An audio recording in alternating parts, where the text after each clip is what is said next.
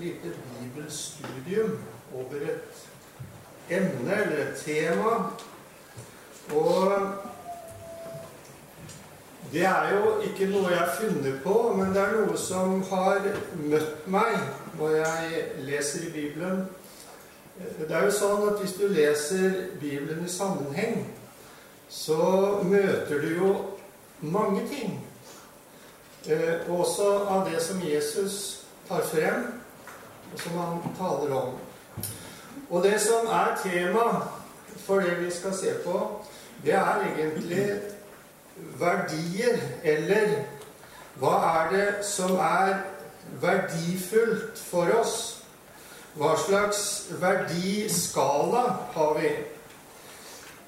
Hva er det som er mye eller lite? Stort eller smått? Verdifullt eller verdiløst for oss? For det kommer til, og det har utrolig stor innvirkning på det livet vi lever. Og det skal vi se litt på ut ifra noen tekster som vi har her i Bibelen. Og da er det fra Lukasevangeliet i kapittel 21. Og de fire første versene der. Men nå ber vi litt sammen først. Kjære Jesus så takker vi deg fordi at du er verdens lys. Og så ber vi om at vi kunne få se noe av det som du ser. Og at vi kunne få se det sånn som du ser det. Og slik som det møter oss her i ditt ord. Sånn at det, lyset også kan skinne inn i vårt liv i vårt hjerte og lyse for oss på veien i mørket. Amen. Vi leser altså fra Lukas 1, og det er vers, fra vers 1. Eller Lukas 21 fra vers 1. Da han så opp, fikk han se de rike legge sine gaver i tempelkisten. Men han så også en fattig enke som la to skjerver i den. Og han sa, Sannelig, sier dere, denne fattige enken har gitt mer enn alle. For alle de andre gav av sin overflod, men hun gav av, av sin fattigdom alt det hun hadde å leve av. Jesus ser opp, og så legger han merke til de som legger gaver i tempelkisten. Og tempelkisten den ble brukt til å samle inn penger som ble gitt som frivillige gaver av folket til drift og vedlikehold og tjenesten i tempelet. Og så skal vi huske på det at tempelet det var det som Jesus kalte for 'min fars hus'. Altså, her ser vi hvor stort dette var for Jesus, dette tempelet. Og det var i tempelet som ofringene som Gud hadde gitt forskrifter om, foregikk. Det var altså noe stort som skjedde der. Og Vi kan tenke på Zakarias, som vi leser om i det kap eh, første kapittelet her i Lukas. Han hadde altså en tjeneste der i tempelet som prest, og så gikk han inn, og så, så brant han røkelse for Gud. Det var en del av denne gudstjenesten som Gud hadde gitt til folket. Og en del av dette som hadde med at Gud møtte dem der i tempelet så hadde vi også det aller helligste med paktens ark, med soningen for folkets synder. Og da var det sånn at de som levde i tro på Gud og hans løfter For dem så var dette grunnen til deres frelse det som skjedde der i tempelet. Nå var det sånn at dette tempelet som var den gangen da Jesus satt der, det var det Herodes som hadde bygd. Og det hadde stor ytre herlighet og prakt. Og for mange så var det det som betydde noe. Det var det store. Det de så, det ytre, prakten og herligheten. Og mange rike ga mye, store beløp, som betydde mye for tempelet og virksomhetene. Penger som kunne telles opp som dagens kollekt. Ja, hvorfor var det mye? Ja, mye eller lite. Hva er det som lager denne verdiskalaen for oss? Det skal vi forsøke å tenke litt over. Mye eller lite? De gav mye. Ja, hvorfor det? I hvilken skala, i hvilken sammenheng setter vi det? Jo, fordi de kunne kjøpe mye for det som de ga. De kunne kjøpe materialer, de kunne kjøpe og betale arbeidere.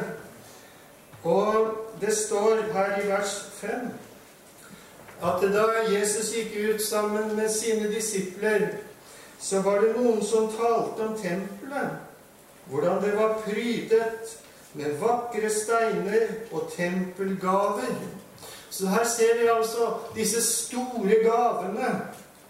De betydde så mye, for de kunne kjøpe, de kunne betale, de kunne pryde. Altså Verdiskalaen, den var sånn at mye er mye fordi jeg kan kjøpe mye. Ser du sammenhengen her? Så kommer det en fattig enke mellom disse rike. Jeg tenker å komme stille, uanselig. Og denne fattige enka hun ga to skjerver. I pengeverdi så var det det minste som fantes på den tiden. Omtrent som en ettøring. Og det ble sikkert ikke registrert engang under opptellingen. Og det var ikke verdt å føres opp i regnskapet. Og det betydde ingenting i dette Regnskapet, det var null verdt. Hvorfor det? Og hvorfor og hvordan? Jo, for hva kan du få kjøpt for to skjerver? Hva kan du få kjøpt for det? Det har jo ingen verdi, for jeg kan ikke få kjøpt noe for det. Det betydde ingenting for tempelet, for å pryde, og utsmykke og gjøre den ytre herligheten enda bedre. Ser du verdiskalaen i dette? Men så ser du da at Jesus han ser helt annerledes på dette. Han hadde en helt annen verdiskala. Han så det fra en helt annen synsvinkel. Og for Jesus så er altså dette så stort at dette må disiplene få vite. Dette må de få greie på. Dette må de få undervisning om. Det var så viktig for Jesus. Derfor så kaller han dem til seg. På veien opp hit fra Østfold så kan du kjøre gjennom, opp gjennom Gudbrandsdalen. Og hvis du vil, så kan du ta over Ringebu og så kjøre over Folldal. Og når du kjører den veien, så kommer du forbi en plass hvor det står Solbergs plass. Har du lagt merke til det? Som er kjøpt der. Kjørt der. Solbergs plass. Så kan du stoppe der. Og så har de laget en innretning hvor du kan gå ut på en plattform. Og så kan du se utover Rondane. Ja, hvorfor det? Jo, fordi at en gang så malte denne Solberg, Harald Solberg et maleri som heter 'Vinternatt i, i Rondane', som har blitt så berømt. Det har gått over hele verden, dette maleriet. Så kan du stå akkurat der han sto. Så kan du se de samme fjellene, det samme landskapet som han så. Men vet du, allikevel så kan du ikke se det han så. Du kommer til å bli så skuffa når du står der. Ja, hva var det egentlig som var så stort med det han så? Nei, for å få se det han så, da må du se det han malte. Skjønner du det? For det Solberg så, det var noe mye større, noe mye mer enn det du kan få se når du står der. For det han så, det var kampen mellom lys og mørke.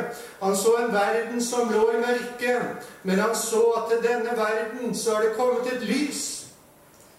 Det malte han. Og i dette lyset så malte han et kors. Har du sett det?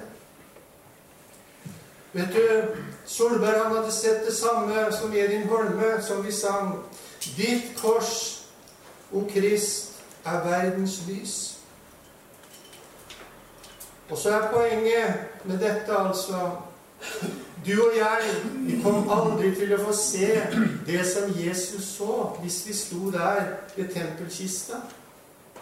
Skal du få se det, da må du få se det sånn som Jesus så det. Du må få se det gjennom hans øyne. Og det var derfor Jesus sa til disiplene sine nå må dere komme hit. Og så sier han sannelig sier jeg dere. Altså, det er noe så oppsiktsvekkende ved dette at Jesus tar så sterkt i og bruker dette uttrykket 'Sannelig, sier jeg dere'. Og så sier han hva han har sett. Det som ingen andre så, som sto der. Denne fattige enken har gitt mer enn alle. Mer enn alle. Ja, jeg tror faktisk at det Jesus sier, det er at hun har gitt mer enn alle de andre til sammen. Hvorfor det? Og her er vi altså inne på noe som handler om verdiskala som handler om smått eller stort, verdifullt eller verdiløst. Jo, hva var det som skjedde da denne fattige enka la to skjerver? Da skjedde det en gudstjeneste i tempelet. Og det er Jesus som ser det sånn. Hva hun har gitt, det har hun gitt til min fars hus. Det står noe i Kolossebrevet 3.23. Det dere gjør, gjør det av hjertet, som for Herren, og ikke for mennesker. Og der sto det en fattig enke. Hun la sine to skjerver som for Herren. Og så så Jesus det, og så sier han Nå skjedde det noe stort her i tempelet. I min fars hus. For denne enka, hun kommer dit fordi hun søkte ham. Hun kom til min fars hus. Hun ville til ham. Derfor kom hun. Det var tro, og det var tillit til Han. Det var kjær i kjærlighet at hun ga sin gave. Det er det usynlige, det åndelige, livet med Gud som skjer i dette som Jesus så. De gav alle av sin overflod. De trengte ingen tro på Gud og Guds omsorg. De trengte ingen overgivelse til Han for å gi. De hadde nok igjen for seg selv å leve av. Det kosta dem egentlig ingenting. Men hennes gave, den var overveldende stor. Både i forhold til det hun eide, for hun ga altså alt hun eide. Det er det ene. Men også i forhold til troen på Gud som far. Ikke i forhold til hva det betydde for tempelet. Hun kom til tempelet, som for henne var Guds hus, som betydde å komme til Han og gi sin gave som for Herren. Og så hadde hun Herren for øye og gav i tro, med stor tro, fordi det var kjærlighet og tillit til en stor Gud. Hennes gave, den hadde jo ingen verdi i denne verden, i pengeverdi. Men i Guds rike er det noe annet som er stort. Det Jesus sier ved en anledning Ha tro til Gud, sier han. Ha tro til Gud. Så var det en gave gitt i tro, drevet av Han. Og så var det jo nettopp dette som var meningen med tempelet. Det var troen som var det vesentlige i livet med Gud. Det åndelige. Det skjulte liv med Gud, og ikke det ytre og alt dette som syntes. Og det er jo akkurat sånn det er for oss også. Livet som kristen, det har to sider. En ytre, en utside og en innside. Så er det det som finnes på innsiden. Livet med Gud. Tro og tillit til Han. Et liv i etterfølgelse av Jesus som har verdi og betydning så ser vi altså her at Jesus har en helt annen verdiskala enn pengenes. Og Det møter oss også andre steder i evangeliene. Og Nå skal vi se på det som står i Lukas 16.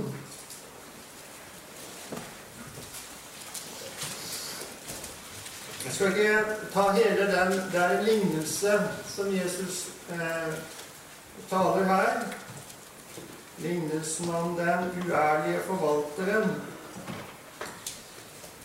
Skal ikke ta hele den, men i vers 9 fra vers 9 til 13 så er det på en måte som Jesus trekker konklusjonen på dette som lignelsen taler om.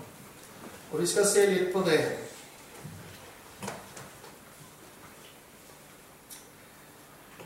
Og jeg sier dere, gjør dere venner ved den urettferdige mammon, for at de, når den svikter, kan ta imot dere i de evige boliger. Den som er tro i smått, er også tro i stort. Og den som er urettferdig i smått, er også urettferdig i stort. Dersom dere ikke er tro i den urettferdige mammon, hvem vil da betro dere de sanne skatter? Og har dere ikke vært tro i det som hører andre til, hvem vil da gi dere noe til egen eiendom? Ingen tjener kan tjene to herrer, for han vil enten hate den ene og elske den andre, eller han vil holde seg til den ene og forakte den andre. Dere kan ikke tjene Gud og mammon. Denne urettferdige tjeneren han var veldig smart til å innrette seg sånn at han hadde fikk fordeler av det selv. Det er litt av summen av dette som det handler om. Og så bruker Jesus dette til å gi sine disipler en god lærdom. Ja, jeg snakker så høyt, sa Irene, så det går sikkert bra. Eh, en god lærdom. Ikke til å være kloke i urettferdighet, men heller til å være kloke når det gjelder å tenke framover på vår egen og andres framtid. Hvordan vi bruker vår eiendom, som Jesus kaller for den urettferdige mammon. La du merke til det? Jesus snakker om det som egentlig hører denne verden til, og som vi kan eie i denne verden, så kaller han det for den urettferdige mammon. Det vi kan eie som rikdom i denne verden, det som verdsettes i pengeverdi. Mammon, det er jo også En del av det er lik penger. Kjøpekraft, kan vi si. Og det er noe som er menneskeskapt. Vi har laget en ordning her i denne verden hvor alt verdsettes i penger og kjøpekraft. Som jeg sa litt om til å begynne med i forbindelse med tempelet. Og det gjelder både varer og tjenester. Og den er urettferdig, sier Jesus, fordi den er på denne verdens premisser. Den lager en urett verdiskala for oss. Og det er pengenes verdiskala. Prøv å tenke litt mer om dette, om dette i dag. Pengenes verdiskala. Når det gjelder arbeid, altså når vi skal gjøre noen ting, så er spørsmålet hva kan jeg få for det? Hvor mye får jeg for timen? Altså verdien av det jeg gjør. Det måles i penger. Får jeg 200 kroner timen, så er det lite verdt, det jeg gjør, kanskje. Men 400 kroner, da øker verdien av det jeg gjør. Ja, hvorfor det? Hvorfor er det sånn at verdien måles i pengeverdi? Jo, det handler hele tiden om hva jeg kan få kjøpt for dette. Altså, får jeg 200 kroner timen, så kan jeg få kjøpt det som jeg kan få for 200 kroner. Men er det 400, så kan jeg jo få mer. Ikke sant? Det øker verdien i forhold til kjøpekraft. Det er der hele verdiskalaen er og er bygd. I denne pengeskapte verdiskala.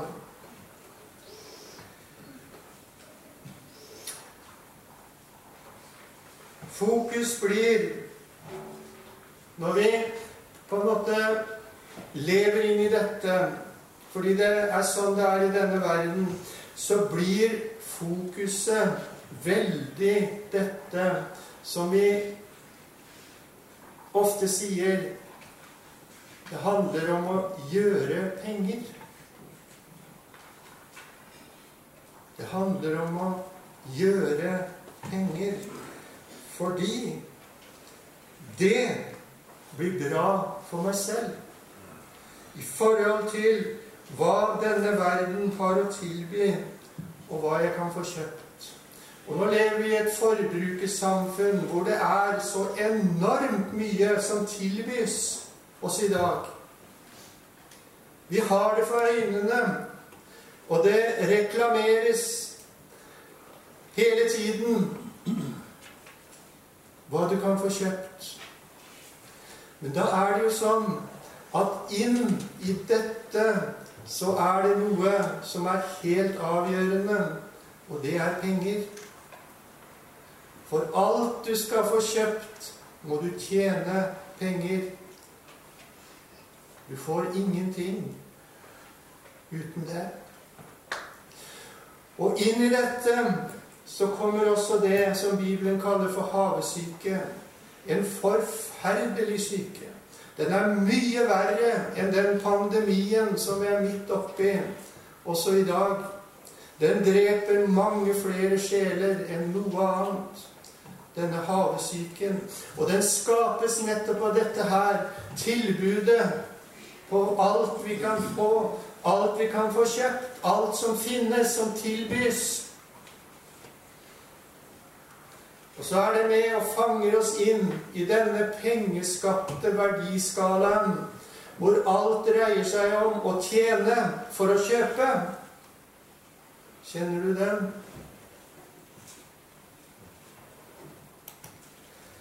Har jeg 400 000, så kan jeg kjøpe og betale en bil som koster det. Da får jeg en flott bil med masse fine Den er bra utstyrt. Den har masse flotte ting. Og så reklameres det på den måten at dette er jo fantastisk å få å skaffe seg.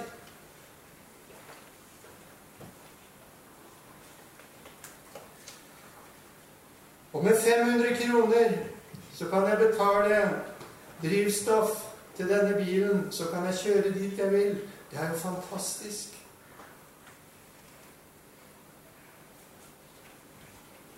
Og så er det sånn at nettopp dette det skaper en verdiskala i ditt og mitt liv som bygger på pengeverdi og kjøpekraft.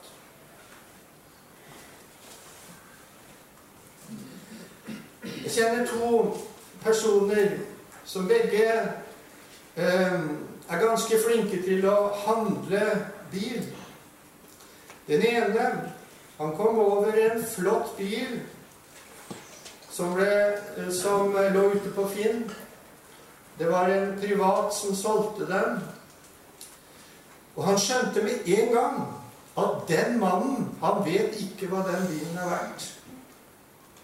Det var en bil til minst 300 000, og han hadde lagt den ut for 250 Og han slo til med en gang, for han skjønte dette er et røverkjøp. Og da jeg traff han, så var det noe av det første han hadde å fortelle meg, det var om hvilket fantastisk bilkjøp han hadde gjort.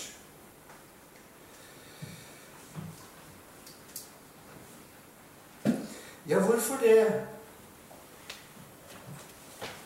Er det ikke sånn vi tenker alle? Han var jo heldig. Tenk for et kjøp. Ja, hvorfor det? Jo, fordi det er stort i forhold til en pengeskapt verdiskala. Derfor er det så stort. Han andre, han er også en bilselger. Han har holdt på med det i mange år, og han vet veldig godt å skille mellom en god pris og en dårlig pris på en bil. Han er veldig dyktig på å kunne verdsette en bil. Han fortalte meg han hadde blitt tilbudt en bil av en mann som sa det at denne bilen er det så mye feil med at jeg kan ikke ta mer enn 5000 for den bilen. Så kjøpte han den for 5000. Så tok han den inn på verkstedet, og så gikk han igjennom bilen. Og så skjønte han det. Den mannen har tatt fullstendig feil. Det var ikke mye galt med den bilen. Den var faktisk ganske bra. Og han skjønte med en gang denne bilen er mye mer verdt enn det jeg fikk kjøpt den for. Vet du hva han gjorde? Jo, han gikk til den mannen han hadde kjøpt den for, og så sa han det. 'Jeg fikk kjøpt den bilen altfor billig av deg. Du skal ha mer betalt for den bilen.' så betalte han det han mente bilen var verdt. Hva syns du om det? Det var da merkelig ikke sant? At det går an å være så dum. Ja, i forhold til hva?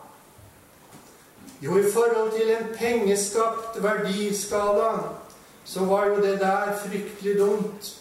Men denne mannen hadde en annen verdiskala i livet sitt. Han var en kristen, og han hadde fått se inn i noe av denne verdiskalaen som Jesus viser oss i denne teksten som vi så på. For han sa det til meg.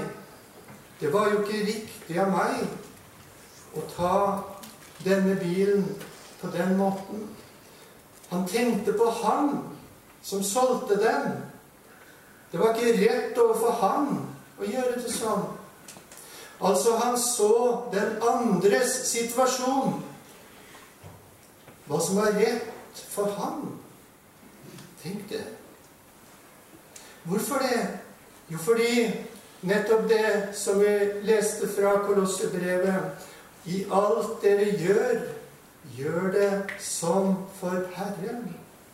Altså det å leve med dette perspektiv i livet at alt jeg gjør, det skal jeg få gjøre for Herren.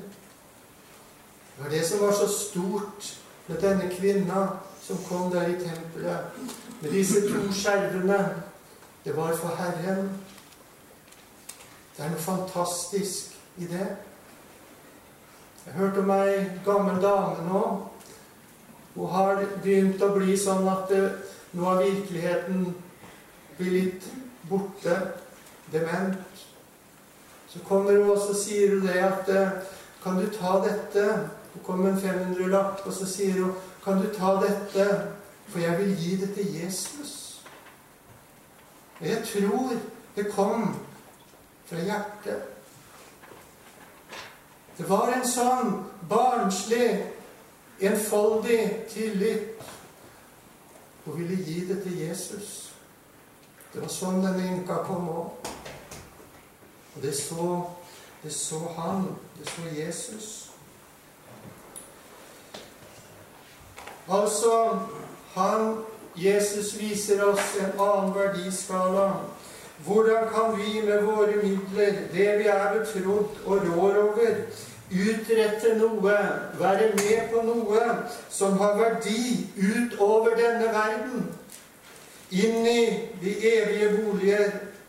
Jesus sier altså med det vi leste her i Lukas 16 Tenk lengre fram.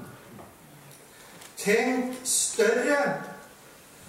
Jesus gir oss andre tanker enn denne verden.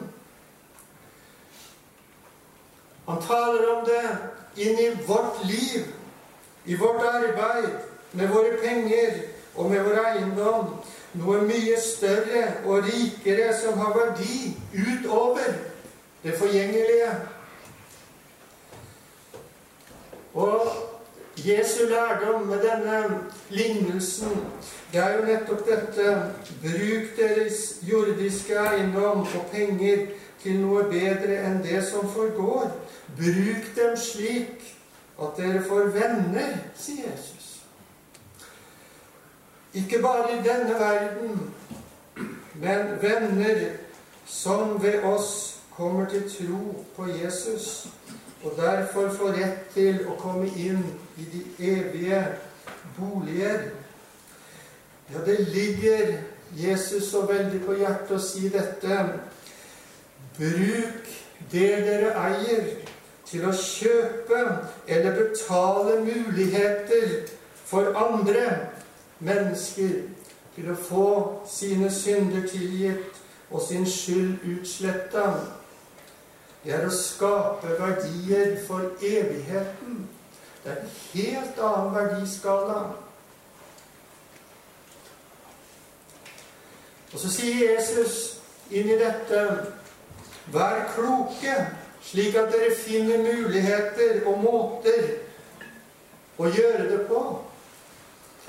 Å være klok til å bruke de mulighetene som den urettferdige mammon gir oss i denne verden, til å vinne mennesker for de evige boliger.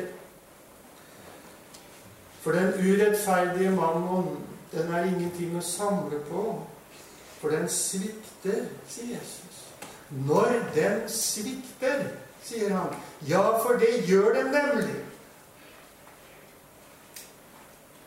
Den er ikke noe å samle på. Det vi kan kjøpe av denne verden, det er forgjengelig. Frelsens goder kan den ikke gi oss. Og når vi går ut av denne verden, så har den ingen verdi. Skal det være sånn at når den dagen kommer at vi står ved grensen, og så kan vi se tilbake på livet vårt og så kan vi se alt det vi har gjort for oss selv.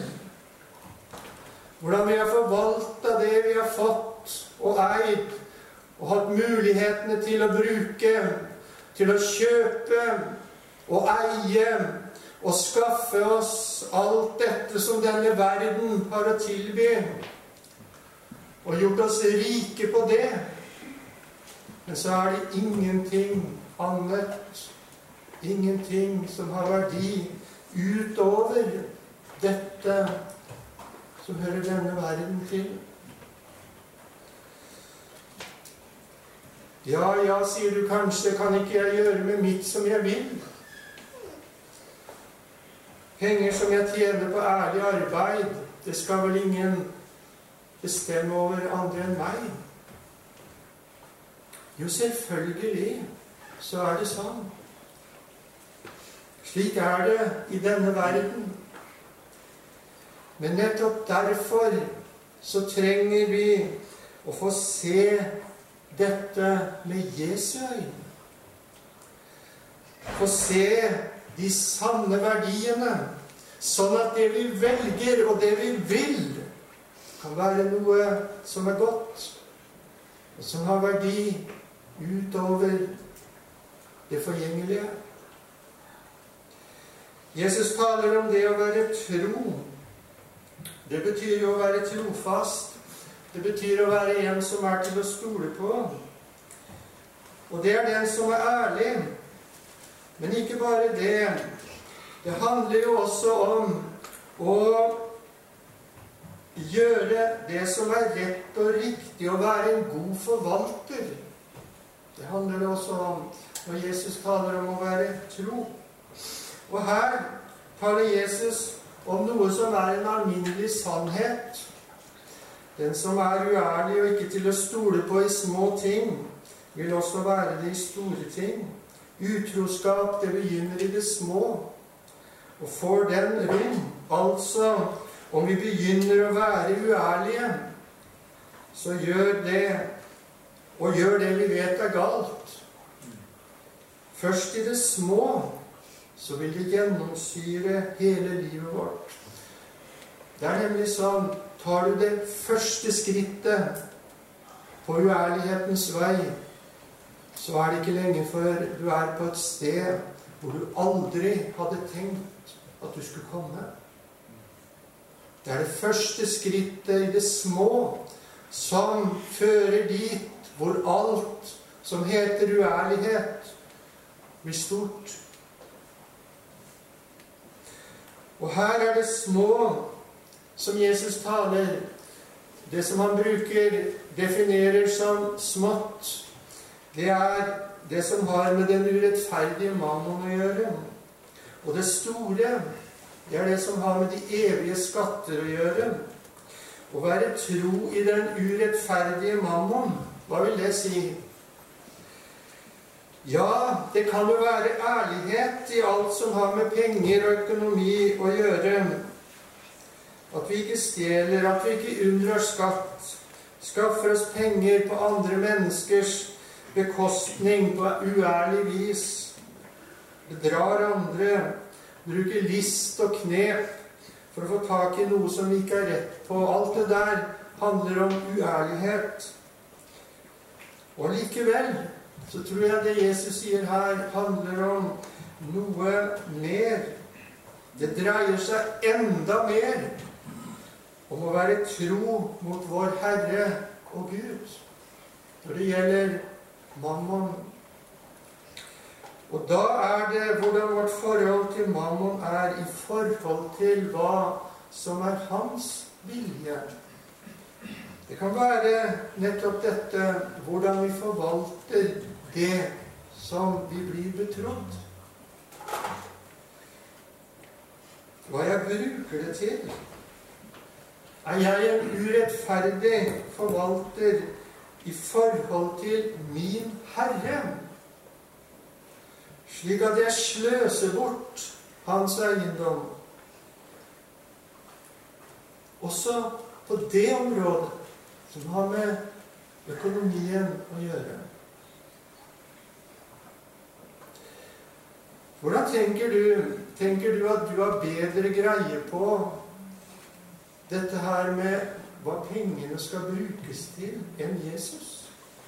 I ditt liv, i din situasjon.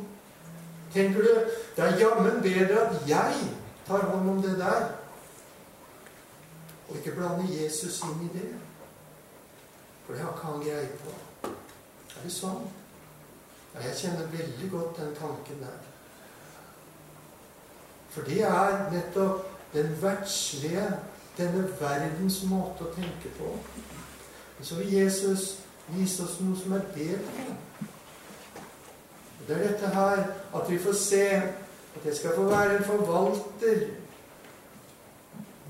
Og så er det nettopp dette som for Herren, som skal få være det som lyser gjennom alt som har med det å gjøre.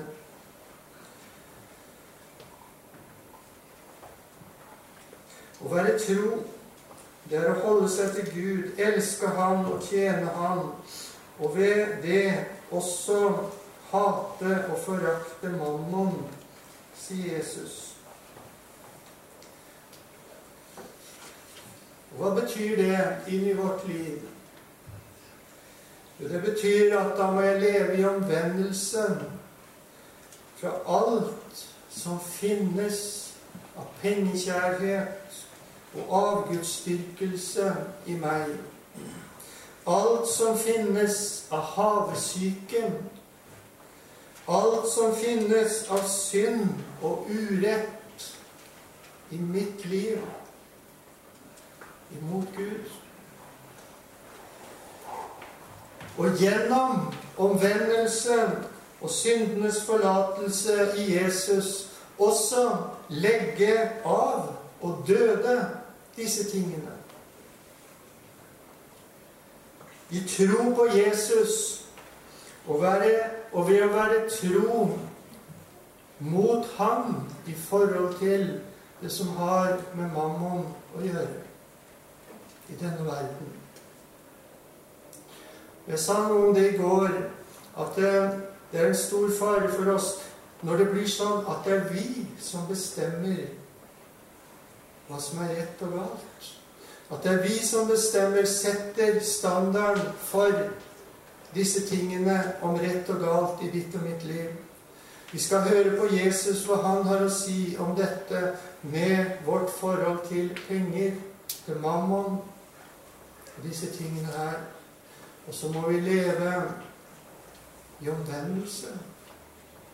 Gjør vi ikke det, så går det galt. Jesus sier det her ingen kan tjene to herrer. For han vil enten hate den ene og elske den andre, eller han vil holde seg til den ene og forakte den andre. Dere kan ikke tjene Gud og mammon. Skal Gud bli stor, den største, den som har og lager og danner vår verdiskala i livet, ja, da trenger vi nettopp å leve i dette lyset som Jesus gir. Å leve i dette med omvendelse og tillit og tilflukt til Ham. Ja, det var litt om akkurat den saken der. Vi skal slutte der. Kjære Jesus, jeg ber om det for min egen del. At jeg kunne få se sånn som du ser. Og at det skal bli mer av ditt lys inn i mitt liv. Sånn at jeg kan få leve med deg i omvendelse og tro. Og det ber jeg om for oss alle. Herre, at vi ikke gjør som vi hørte i går. At vi hater lyset og vender oss bort fra det fordi at våre gjerninger er onde, og vi vil ikke bli refsa. Men at vi må komme til lyset og leve hos deg. Amen.